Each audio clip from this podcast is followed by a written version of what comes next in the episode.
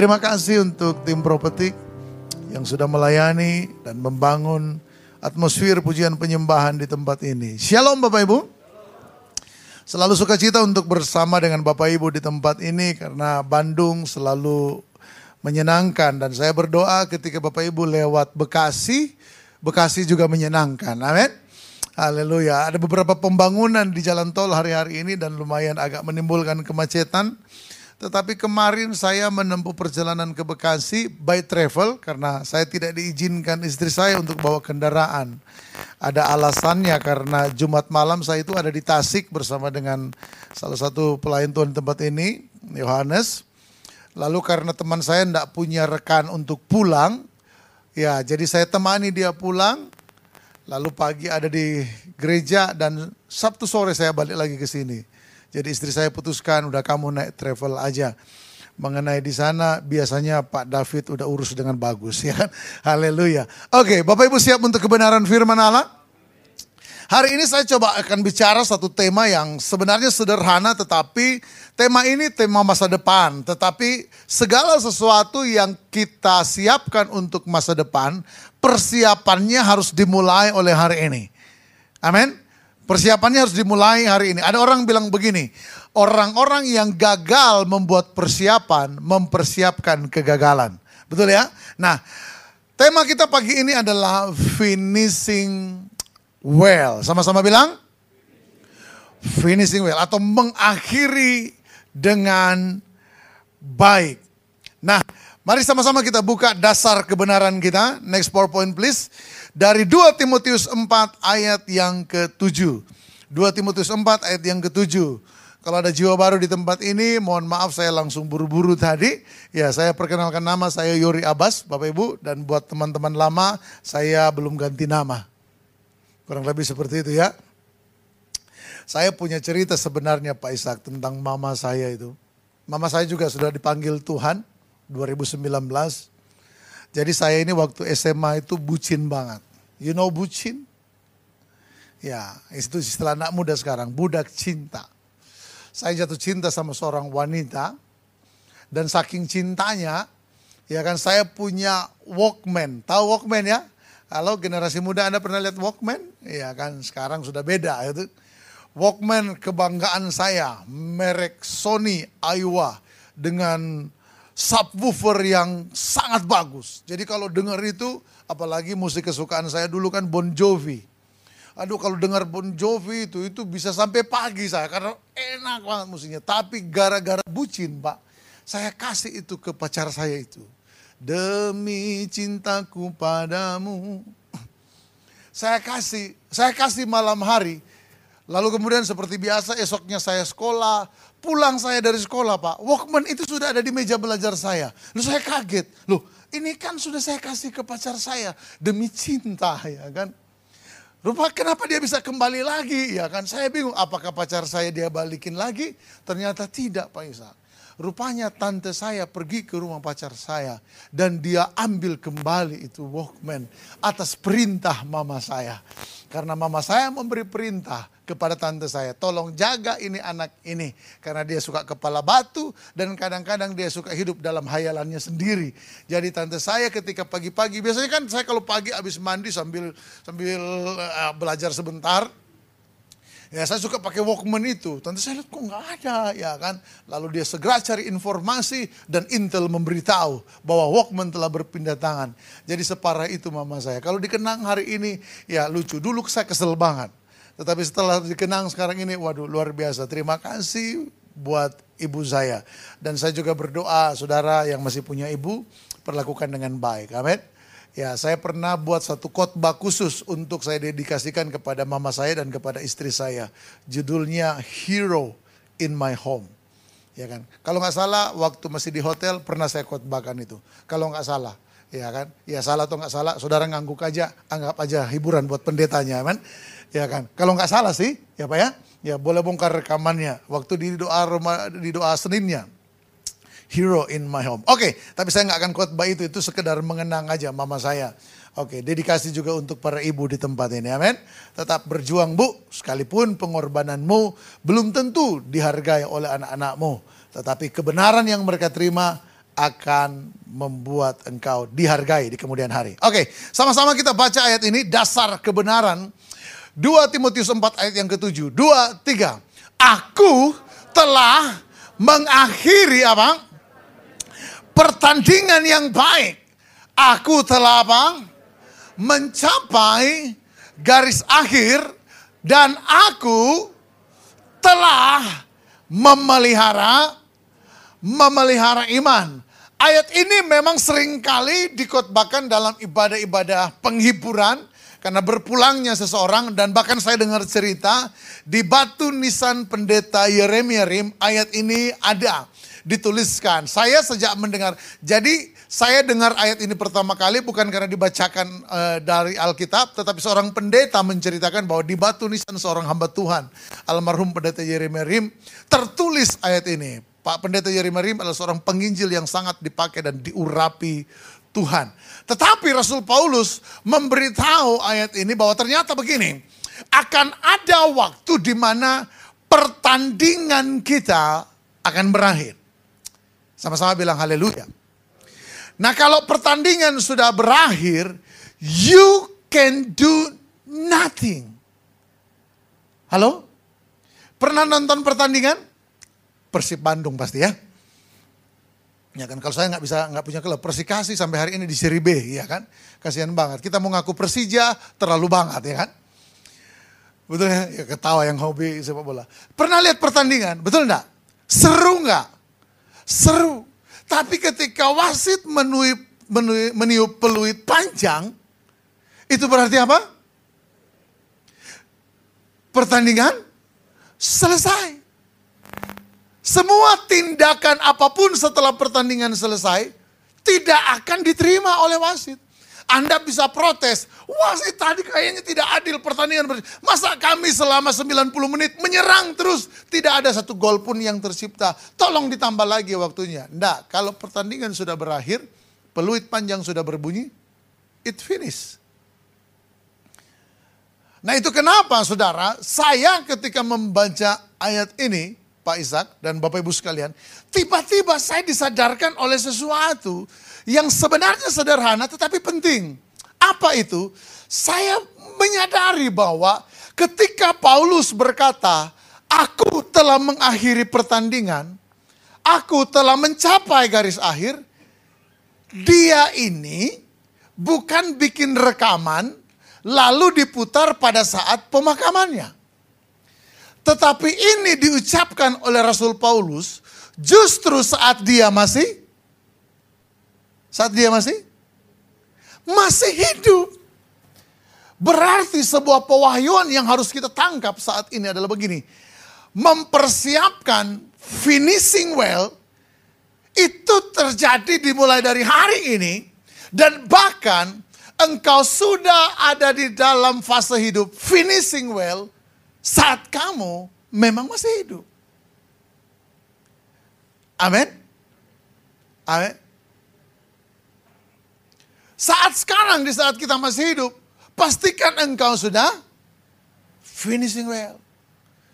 Sehingga ketika engkau berpulang, engkau meninggalkan segala sesuatu dengan indah, dengan luar biasa. Dengan sangat menakjubkan.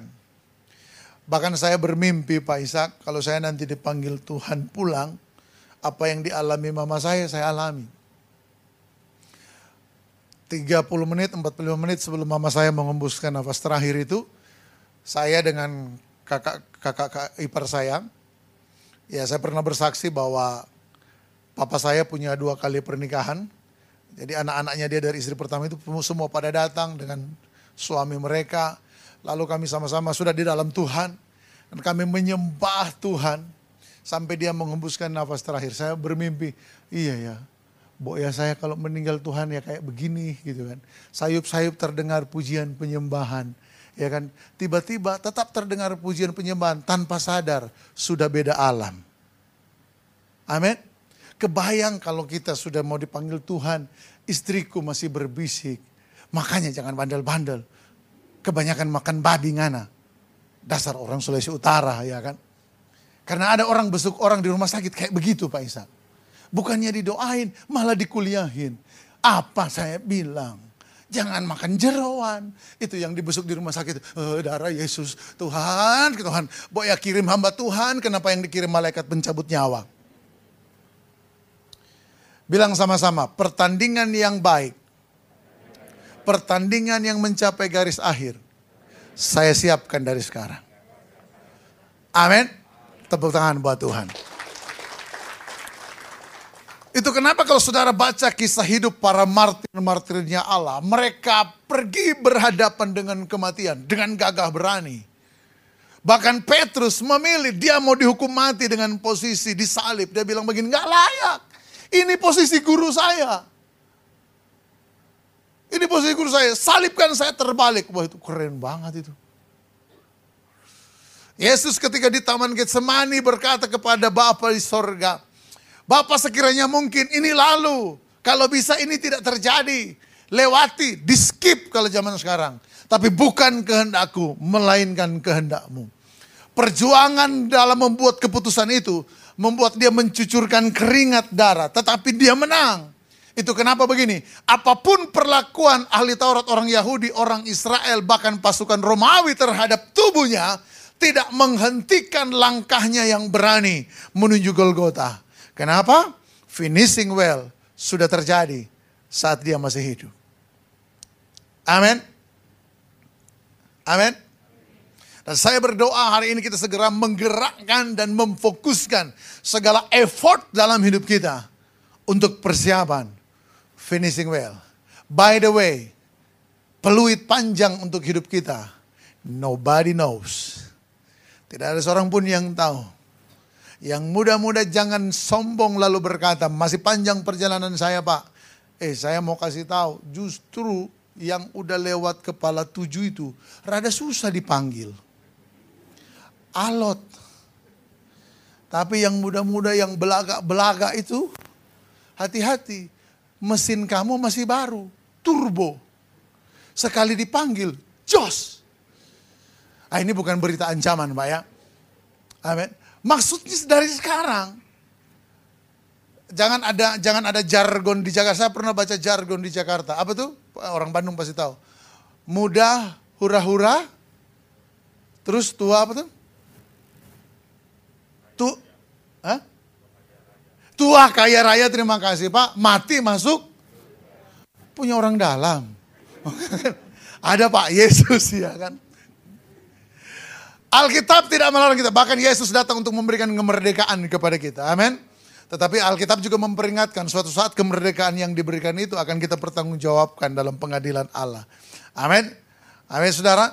So persiapkan dari sana. Nah saya coba memberikan clue kepada saudara.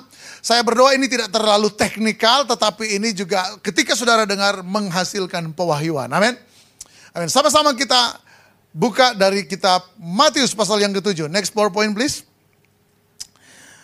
Yesus mengajarkan kita how to build the firm foundation.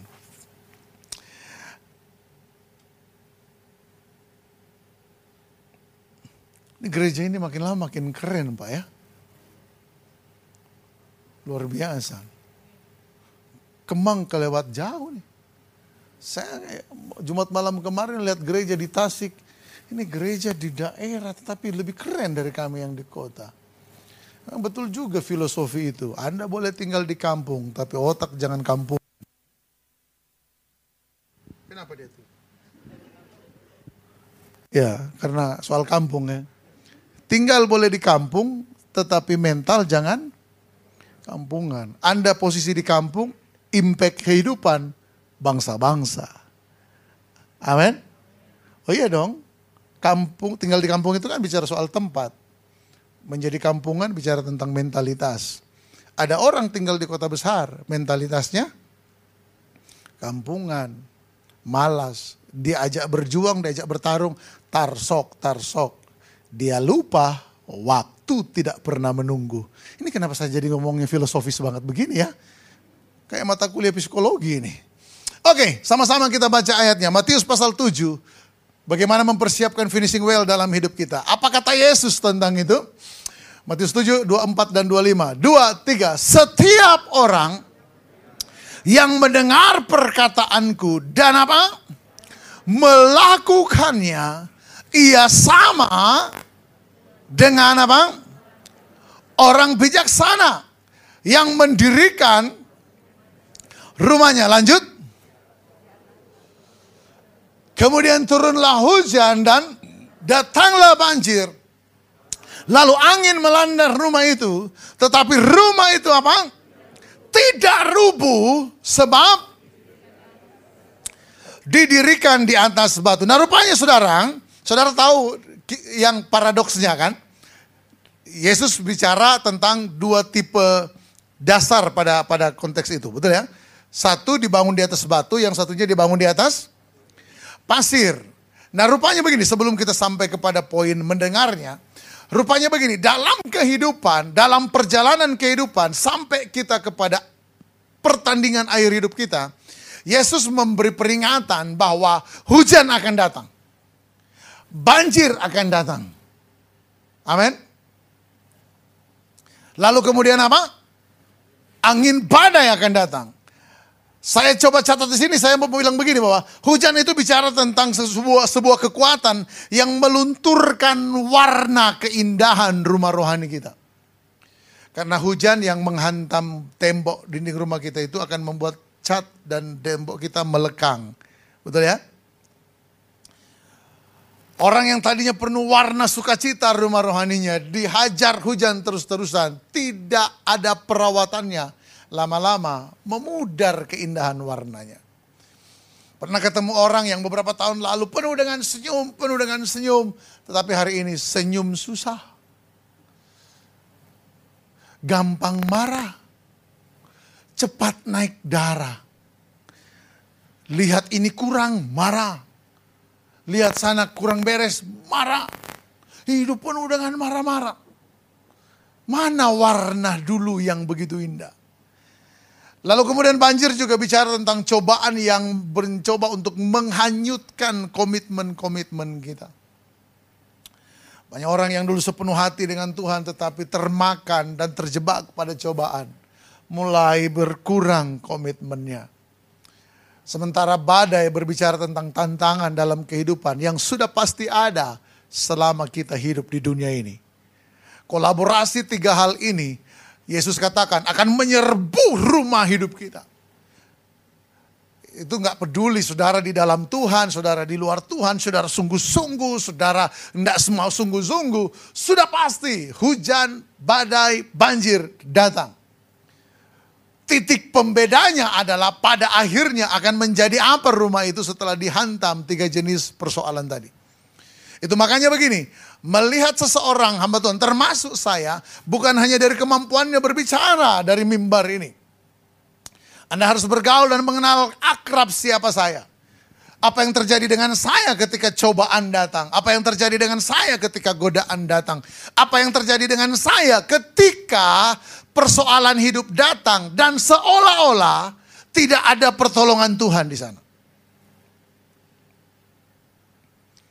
Apakah saya hanya menjadi orang yang merasa bodoh, lalu kemudian mulai marah dengan Tuhan?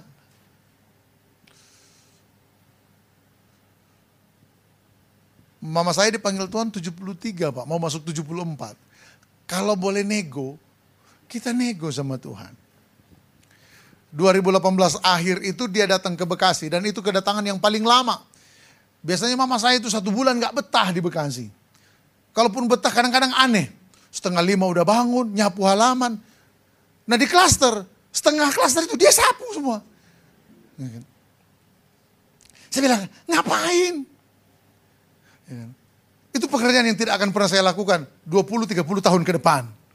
Daripada nggak ngapa-ngapain, ya karena memang dari, dari mudanya dia adalah seorang guru pengabdian terbiasa bangun pagi, lalu nggak ngapa-ngapain setelah pensiun. Waduh dia, dia lanjutkan terus. Ketika dia pulang, saya antar dia subuh-subuh. Terus saya bilang begini, seperti biasa, tahun depan jadwalkan lagi ya. Dia ngomong begini, doakan. Waktu dia ngomong doakan pak, hati saya tiba-tiba jatuh loh. Kayak ada yang copot. Langsung saya teriak, belum, belum, belum. Karena saya tahu arah perkataannya. Belum, masih jauh, masih panjang. Baru 73, masih panjang, 92.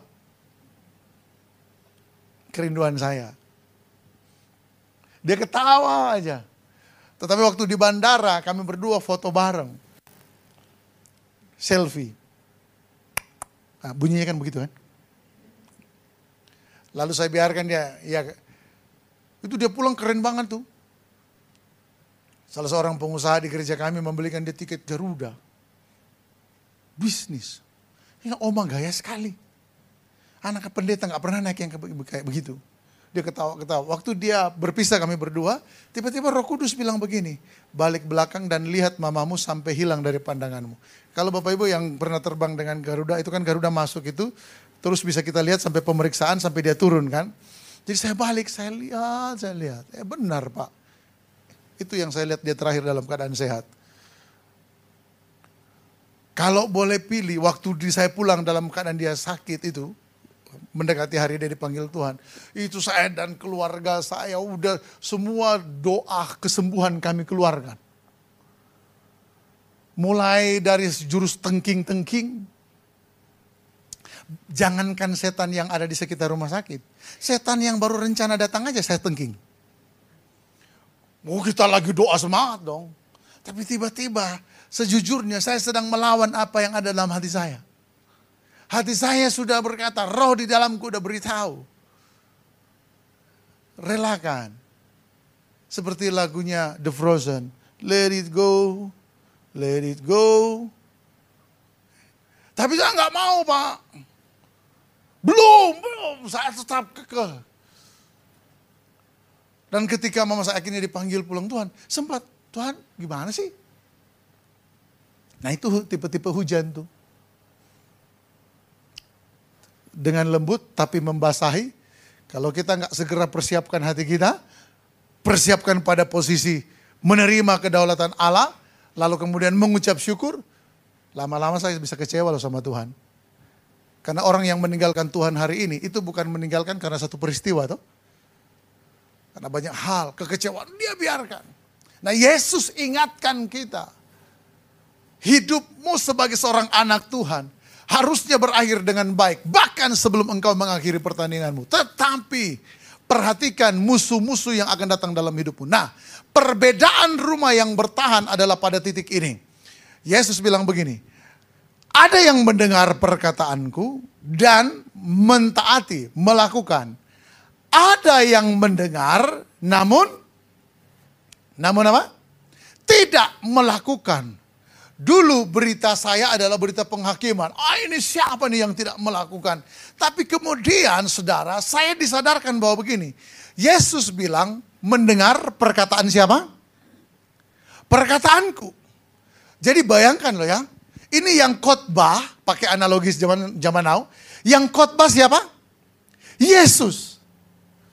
Ada yang pulang untuk melakukan, ada yang pulang hanya karena sudah selesai kebaktiannya dan tidak ada rencana untuk apa? Melakukan. Berarti saya mau bilang begini, dalam mempersiapkan hidup menuju finishing well, satu hal yang harus engkau dan saya perhatikan adalah caramu mendengar. Sebelum seseorang menjadi pelaku yang baik atas sebuah kebenaran, dia harus terlebih dahulu menjadi seorang pendengar yang baik. Nah saya beritahu bahwa begini, kesalahan dalam mendengar dapat berakibat kesalahan dalam apa? Bertindak. Bapak ibu, anak muda, coba renungkan begini. Ini kok bisa ya? Yang ngomong Yesus tetapi hasilnya berbeda. Waktu baca ayat ini saya sedikit terhibur Pak Isan. Jadi saya nggak sedih kalau ada orang waktu dengar saya khotbah lalu tidak tertarik dengan khotbah saya. Wong Yesus aja juga ngalamin kok. Waktu kita menerima kebenaran lalu kita tidak lakukan, tidak dilakukan, saya nggak begitu kecewa. Kenapa? Karena ternyata Yesus pun pernah bilang ada orang-orang yang hanya mendengar tapi tidak melakukan. Loh Yesus, masalahnya di mana? Masalahnya pada mendengar. Nah, Bapak Ibu, kenapa ada orang yang sekalipun mendengar perkataan yang paling hebat sekalipun, tetapi tidak memiliki dampak apa-apa dalam hidupnya? Saya teliti begini, rupanya, rupanya begini Kegagalan saat mendengar dimulai dari kita mendengar harusnya pakai apa? Harusnya pakai apa? Telinga dong ya. Ya kan namanya mendengar. Tapi ada banyak orang mendengar pakai mata. Ngerti maksudnya mendengar pakai mata? Kita lihat siapa dulu yang bawa beritanya. Orang-orang tua dengan segala hormat, ada kalanya Tuhan pakai anak-anak loh untuk menyampaikan kebenaran, untuk memberikan teguran dalam hidup kita. Amin. Di kampung saya, orang-orang tua itu ada bahasa begini. Kalau tiba-tiba orang yang lebih muda, apalagi anaknya, ngomong, Papa itu salah, Alkitab larang itu. Maka orang tua akan jawab begini, jangan style bicara Alkitab, jangan coba-coba, jangan gaya bicara Alkitab. Ngana belum lahir, papa yang bawa Alkitab itu ke rumah Om Pendeta. Papa yang antar ini Alkitab ke rumah sinode. Ngana belum lahir, jadi jangan bagaya ngana. Nah, itu mendengar dengan mata. Ada istri-istri ketika suaminya bilang, "Mah, kamu jangan mudah emosi. Ingat firman Tuhan bilang sabar. Orang yang sabar itu seperti kota yang dikelilingi oleh tembok." Aduh. Istri ngomong, "Hah? Apa kamu bilang? Kamu pakai ayat. Kalau Pak Ishak yang ngomong ayat, gua percaya. Laki model lu ngomong ayat. Aja gile. Apalagi dengan segala hormat ya, ini saya sedikit dramatisir. Kalau suaminya dulu pernah bikin salah. Udah, itu udah kontrak seumur hidup. Ngana tetap salah. Mau ngomong kebenaran pun, Hah, orang model kamu. Ngomong Alkitab. Halo? Hujan salju Bandung. Suami pun bisa seperti itu.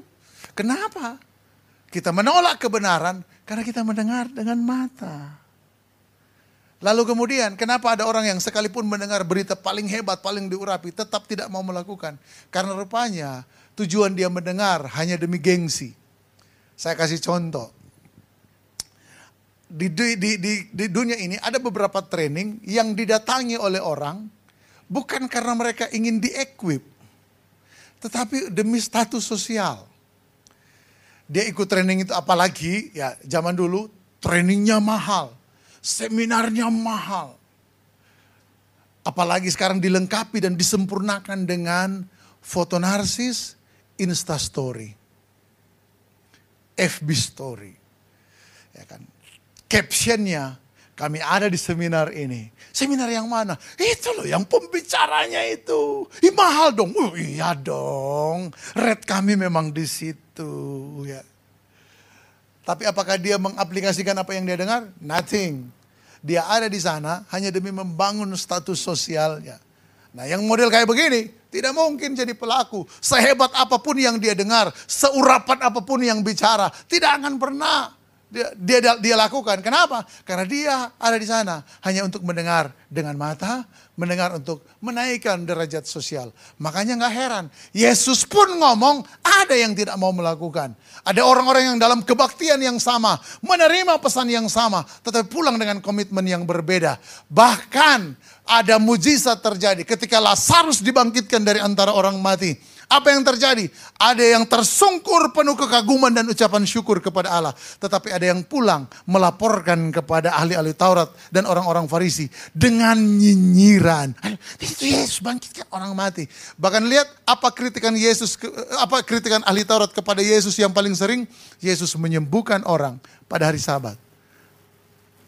Saudara dalam logika kita, dalam logika kita, sebodoh itu ke ahli Taurat Sebodoh itu kalau posisi hati salah. Amin. Ada beberapa contoh yang bisa saya sodorkan kepada Anda. Dan karena waktu terbatas, saya hanya punya 34 contoh. Amin. Karena waktu terbatas. Kalau waktu tidak terbatas mungkin lebih banyak. Next PowerPoint please. Ada dua kisah yang mau saya sodorkan kepada Anda. Ya, tolong pemain musik seluruhnya aja. Ini berarti 30 menit. Betul ya? Ya, semuanya aja. Jangan biarkan kawanmu berjuang sendiri. Yang lagu tadi ya. Contoh yang pertama David Livingstone. Next PowerPoint. Tadi ini dah. Ada yang pernah dengar nama ini?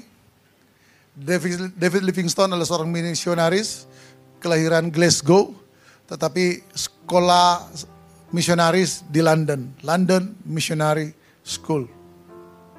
Tadinya dia ingin pergi ke Cina, tetapi karena Cina waktu itu sedang dilanda perang opium, di sekolah itu dia ketemu dengan seorang misionaris yang baru pulang dari Afrika. Lalu waktu dia dengar cerita tentang Afrika, hatinya digugah. Wow, begitu keren Afrika itu. Tiba-tiba roh Allah seperti menuntun dia untuk ada di sana. Tapi masalahnya ketika dan David Livingstone waktu dia pergi ke sana, dia bawa komitmen yang lebih hebat dari misionaris sebelumnya. Dia bilang begini sama pemandunya di sana. Bawa saya ke desa atau ke tempat yang misionaris bule belum pernah datang. Ini bukan maksudnya bule belum pernah datang, Pak Le pernah. Bukan. Misionaris bule kalau mereka belum pernah sampai ke desa itu, bawa saya ke sana. Dan pemandunya bawa dia ke sana. Sehingga akibat komitmen itu, David Livingstone bukan saja memberitakan Injil kepada orang-orang yang tidak terjangkau. Tetapi National Geographic memakai dia sebagai salah satu acuan temuan-temuan situs-situs yang tidak pernah ada sebelumnya. Kenapa? Karena dia masuk ke tempat-tempat, ke rimba-rimba, ke daerah-daerah yang tidak pernah disentuh oleh orang modern di zaman itu. Nah satu kali, waktu dia kembali ke London untuk kembali menghimpun dana lalu kemudian untuk balik lagi. Seorang wartawan bertanya kepada dia, David, mengapa kamu harus pergi ke sana? Kamu bisa mati di sana loh. David bilang begini, karena karena begini saudara, David Livingstone itu waktu pulang itu dalam keadaan tangan kirinya udah cacat. Kenapa? Dia diterkam diterkam singa. Jadi bayangkan, udah komitmen beritakan Injil kepada orang-orang yang terlantar, diterkam singa pula. Dan nggak cuma itu, wartawan itu bilang, kamu bahkan mau dimakan sama sama orang-orang yang kamu beritakan Injil. Kok kenapa kamu masih mau balik ke sana? Apa kamu nggak takut di sana? Rupanya wartawan ini nggak tahu, David Livingstone hidup dalam prinsip finishing well. David Livingstone bilang begini, aku mengalami semua itu. Termasuk juga Sadrak, Mesak, dan Abednego, amin. Tetapi saya fokus kepada David Livingstone. Aku mengalami lebih parah dari itu. Aku bahkan mengalami malaria. Bahkan sampai hari ini, sampai kita berbicara, malaria itu belum hilang dari tubuhku. Disentri menyerang tubuhku. Karena aku masuk ke tempat-tempat yang tidak ada unsur-unsur higienis sama sekali. Tetapi kenapa aku masih kembali ke sana? Karena David David bilang begini, pernah aku baca sebuah kisah tentang seseorang, maksudnya Yesus. Orang itu berkata seperti ini, aku menyertai kamu senantiasa sampai kepada akhir zaman. Saudara tahu apa maksudnya David?